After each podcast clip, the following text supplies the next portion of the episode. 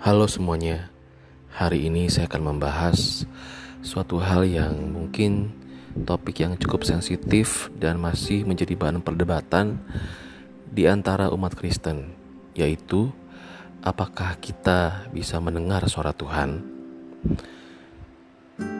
Sebelum saya membahas topik ini lebih jauh lagi, ada baiknya saya akan uh, memberikan beberapa ayat dari Alkitab yang berbicara atau yang menyatakan hal mengenai Tuhan yang berbicara kepada manusia.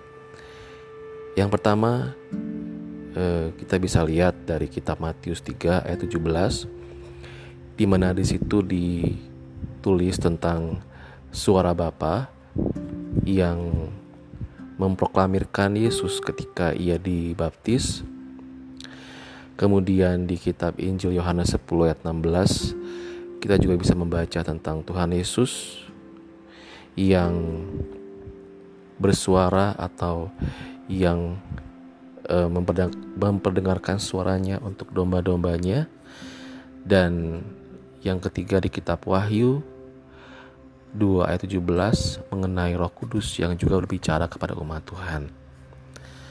Dari ketiga pasal Alkitab tersebut, saya bisa menarik kesimpulan bahwa Tritunggal yang Maha Kudus, Bapa, Tuhan Yesus dan Roh Kudus tertulis bahwa dia berbicara kepada manusia. Dan saya percaya bahwa ayat-ayat ini atau pasal ini tidak berbicara mengenai uh, perumpamaan, tetapi sungguh-sungguh literal. Artinya, Sungguh-sungguh Tuhan itu masih berbicara kepada umatnya. Nah, pertanyaannya adalah kepada siapa Tuhan berbicara? Kalau kita lihat kitab Injil Yohanes 10 ayat yang ke-27, saya ambil firman Tuhan ini dari Alkitab terjemahan IMB Indonesian Modern Bible yang berbunyi demikian. Domba-dombaku mendengarkan suaraku dan aku mengenal mereka dan mereka mengikuti aku. Di sini kita bisa lihat atau saya melihat ada perkataan domba-dombaku mendengarkan suaraku. Berarti yang bisa mendengarkan suara Tuhan hanyalah domba-domba Tuhan. Nah, siapakah domba-domba itu sebenarnya? Kalau kita bisa melihat karakter domba yang taat, yang nurut, yang percaya kepada gembalanya dan mengikuti apa kata gembalanya, saya bisa menarik kesimpulan bahwa domba itu ialah orang-orang percaya yang kepada Tuhan Yesus yang sungguh-sungguh dan setia kepada Tuhan apa pun yang terjadi. Karakter atau seekor domba ditentukan dari seberapa taat dan seberapa setia dia mengikuti gembalanya. Karena domba itu tidak akan mungkin berpisah dari gembalanya. Karena dia selalu mengikuti gembala ke mana pun gembala pergi. Atau ke mana pun uh, gembala beranjak mereka akan mengikuti si gembala itu. Kalau kita kalau saya adalah domba Tuhan kalau saya uh, percaya kalau saya yakin bahwa saya adalah domba Tuhan maka saya pasti bisa mendengarkan suara Tuhan. Karena itulah yang tertulis di Alkitab. Kemudian yang menjadi pertanyaan berikutnya adalah bagaimana Tuhan berbicara?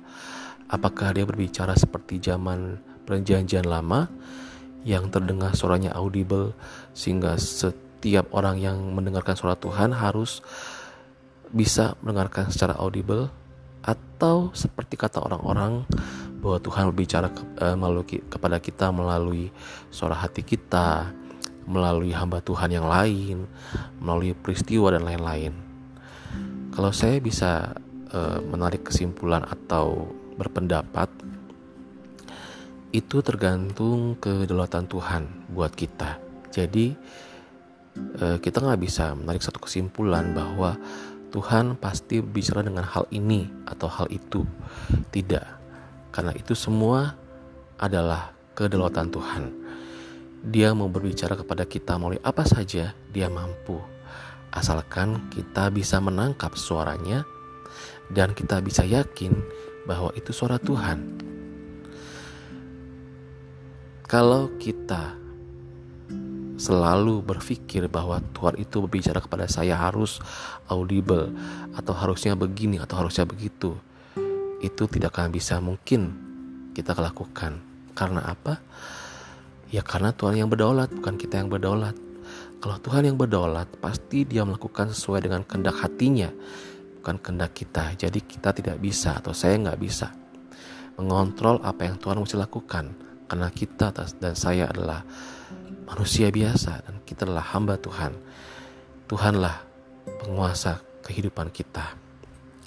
Nah, kali ini saya mau tutup uh, sharing saya pada kali ini bahwa saya masih percaya bahwa Tuhan masih berbicara kepada manusia.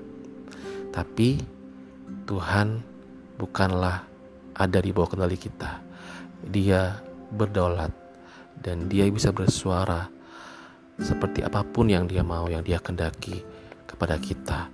Tapi tidak semua orang bisa mendengarkan suara Tuhan. Hanya orang-orang yang domba di hadapan Tuhan yang bisa mendengarkan suara Tuhan. Terima kasih sudah mendengarkan podcast saya pada hari ini.